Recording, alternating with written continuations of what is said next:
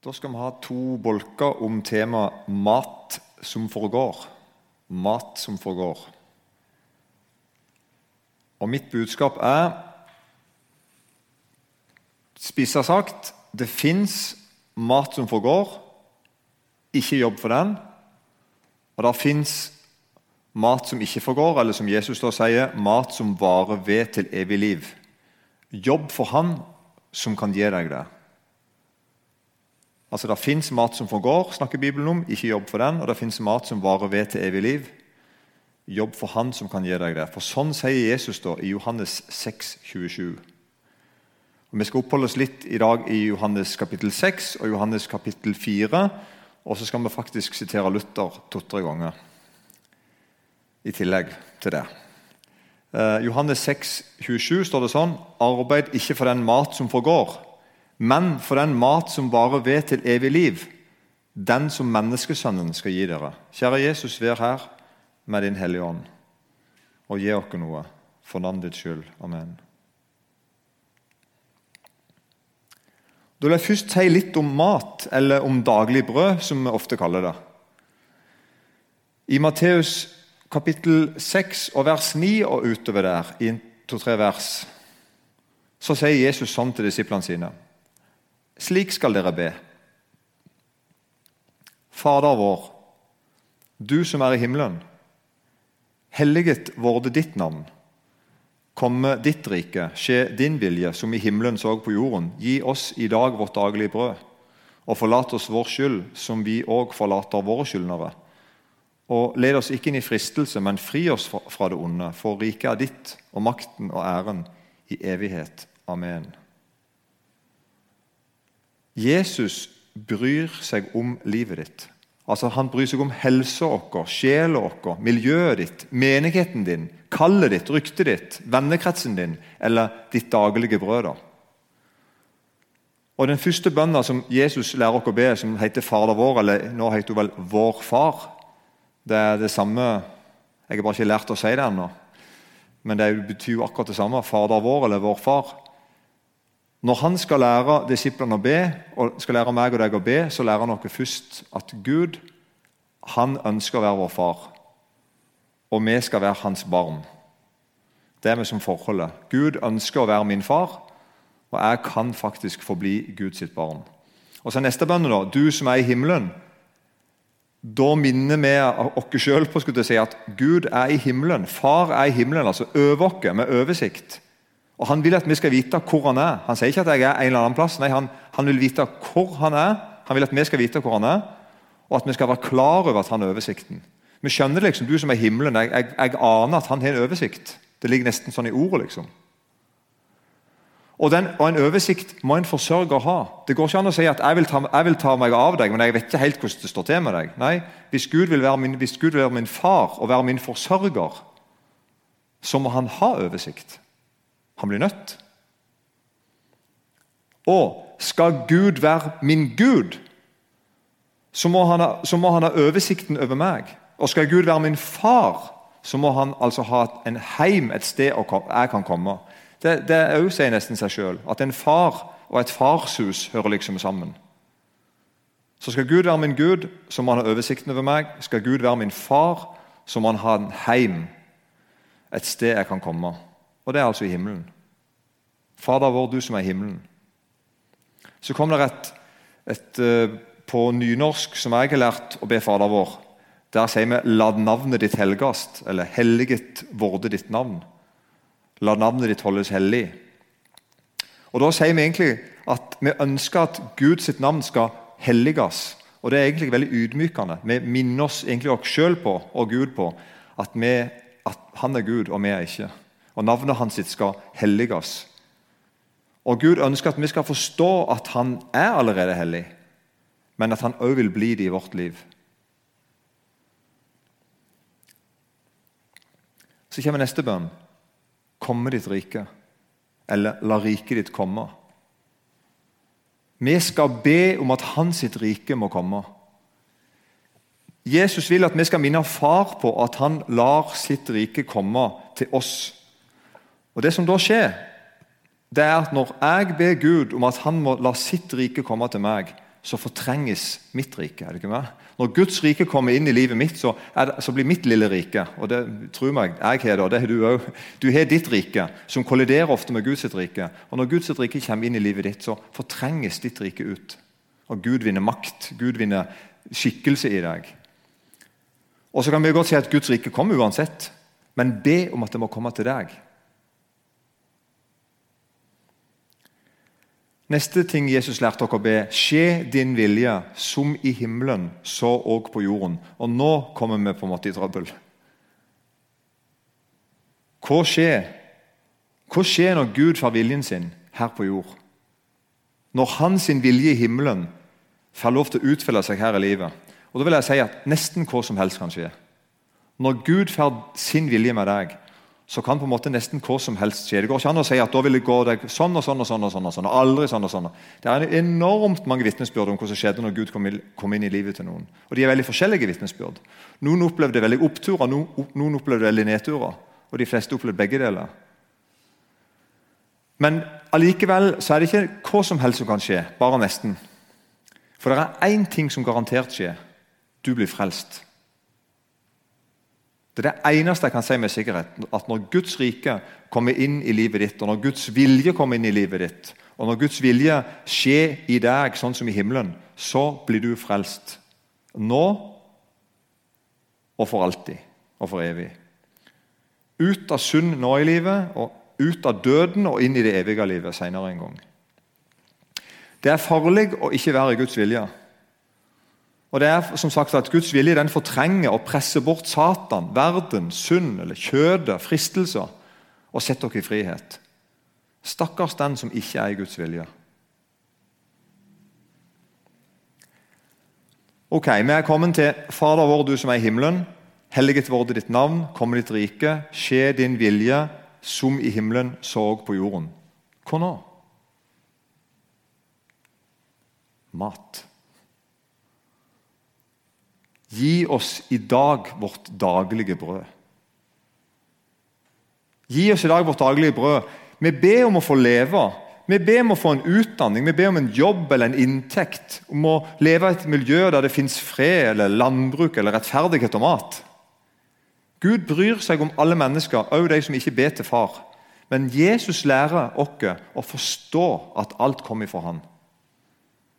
Så jeg skrev med smått der at vi, vi synger ikke 'Kua mi jeg takker deg'. Så la jeg til ok, hvis vi synger den, den sangen, så mener man ikke. For vi vet bedre. Vi vet at vi skal ikke takke kua. Der er noen bak kua igjen, og bak der igjen, og bak der igjen. Luther, når han skal forklare hva han, han skal, skal alminneliggjøre, hva betyr det å be om daglig brød, så sier han sånn, så spør Luther sånn i sin katekisme. Hva menes med daglig brød? Hva betyr det begrepet daglig brød som Jesus lærer oss å be om? Jo, sier han, alt som hører til menneskets liv og behov, slikt som mat og drikke, klær og sko, hus og hjem, åker og husdyr, penger og gods, en god ektefelle, snille og lydige barn, gode tjenestefolk, gode og pålitelige overordnede, gode styresmakter, sunn luft, fred, sunnhet, god moral, godt navn og rykte, gode venner, trofaste naboer og mer slikt. Det liksom innebefatter og mer sånn altså innebefatter når vi sier til Jesus Gi oss i dag vårt daglige brød. Og så da, Etter at Jesus har lært dere å be om daglig brød, så fortsetter Jesus og forlate oss vår skyld, som vi òg forlater våre skyldnere. Og led oss ikke inn i fristelse, men frels oss eller fri oss ifra det onde. For ditt er riket og makten og æren i evigheten. Amen.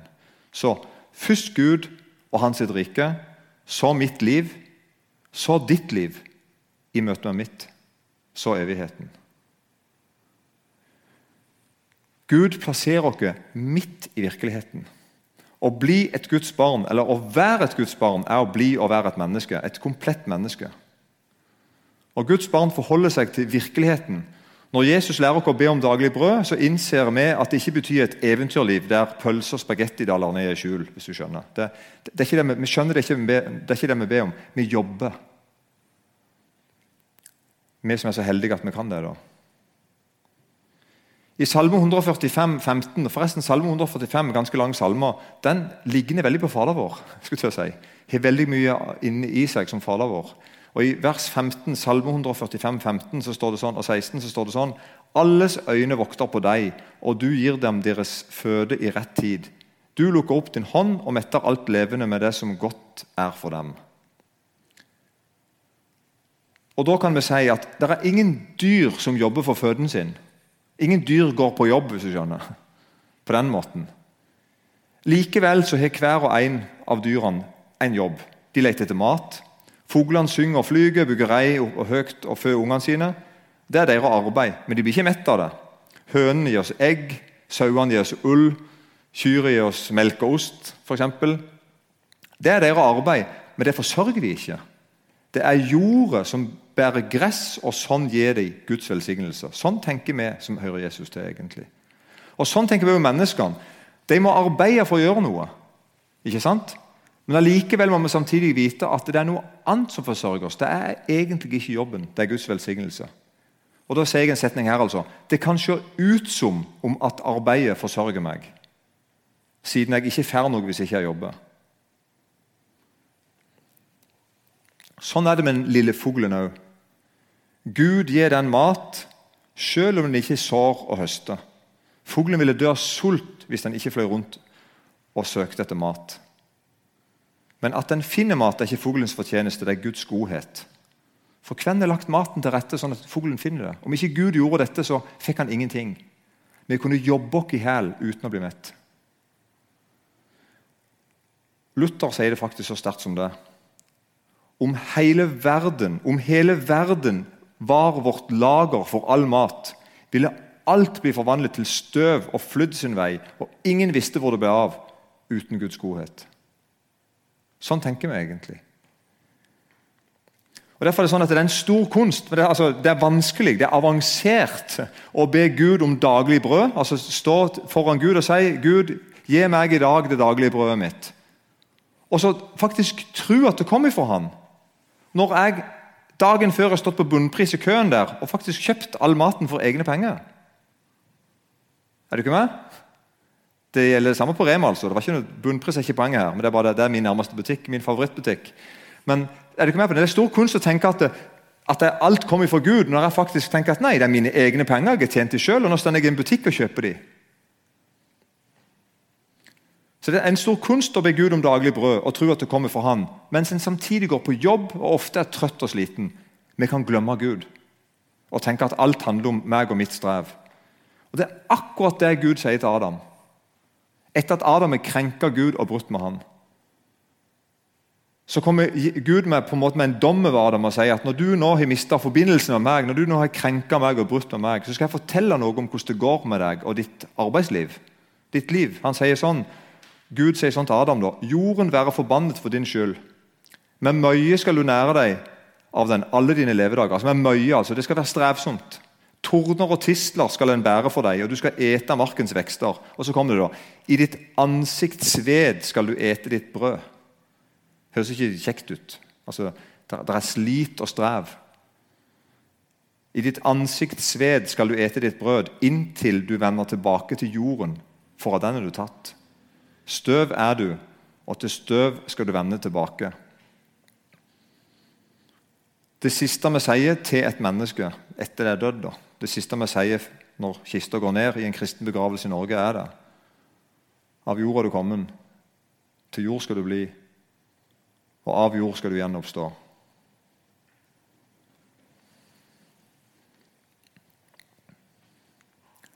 Så Jesus kjenner oss og sier samme, dag som han lærte, samme dagen altså, som han lærte disiplene å be Fader vår og gi oss i dag vårt daglige brød, så sier Jesus sånn i Matteus 6, 26, Se på fuglene under himmelen. Ikke sår de, ikke høster de, ikke samler de i hus, men deres far i himmelen gir dem føde. Er ikke dere langt mer verd enn de? Hvem av dere kan vel med all sin bekymring legge en eneste alen til sin livslengde? Og igjen et sitat her av Luther, som han sier om det bibelverset. Jesus Kristus, sier han her.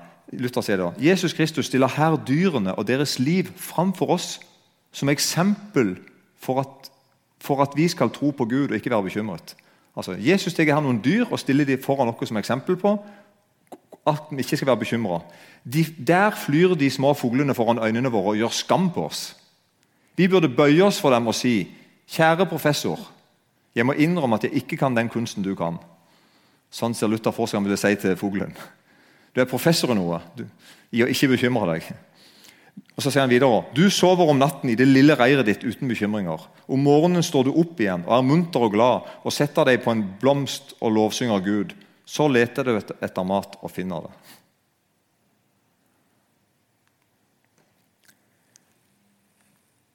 En annen ting som Bibelen er veldig full av, er ikke minst historien om Israel når de var i ørkenen i 40 år.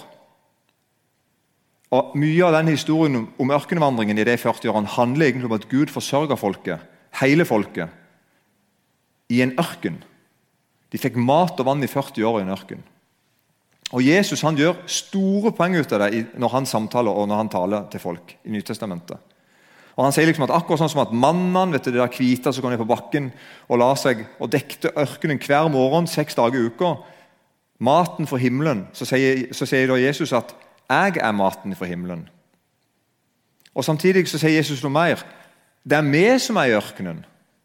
Det var ikke bare en fortelling om noe som var i ørkenen en gang før. Men det, nå er det vi som er i en ørken. Et sted uten liv, uten framtid. Uten en sjanse til å overleve hvis ikke det skjer et under. Og Du som har oppdaga det, altså du som lever i dag, og som ikke lever i en ørken, bokstavelig talt, men som oppdager at det Jesus forteller om å gå i en ørken, det Gammeltestamentet forteller om å gå i en ørken, det er meg han snakker om. Det er livet mitt han snakker om. Det er tilværelsen min han snakker om. Hvis ikke Gud griper inn og gjør et under i dag, så, så lever jeg ikke mer. Sånn der er Jesus dere forstår. Du som oppdager dette, her, du er heldig, har jeg sagt, sier jeg her. Og kanskje du er en av de salige Jesus sier nemlig i Matteus 5,6.: Salige er de som hungrer og tørster etter rettferdigheten, for de skal mettes. Men altså, det er vi som er i en ørken, et sted uten liv og framtid, tørt og fattig, uten en sjanse til å overleve hvis ikke det skjer et under. Og Mange ser ikke dette, og sånn var det på Jesus' tid òg.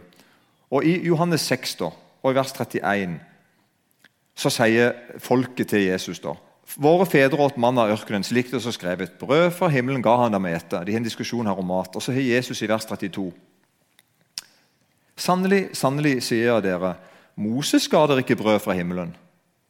Men min far gir dere det sanne brød fra himmelen.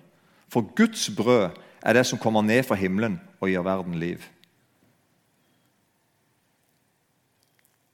De sa da til ham, Herre, gi oss alltid dette brødet. Jesus sa til dem, 'Jeg er livets brød.'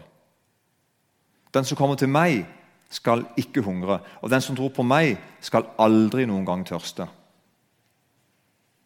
Det er så vanskelig å tenke som Gud. Gud er så annerledes. Jeg har et ord på engelsk som jeg er blitt glad i, som heter 'awesome'. Det er utrolig godt, sånn, godt, godt å si 'awesome'. godt å si. Det er sånn, Gud er awesome. Han, han, er sånn, han, er, han, er, umulig å forstå. Han er for stor for meg. Er, plutselig tror jeg at jeg ikke forstår. Nå, nå, nå har jeg han. Nå forstår jeg det. Så det er bare rett rundt neste hjørne så kommer det en ny ting. Og så er han bare sånn Hæ? Gud, du er annerledes.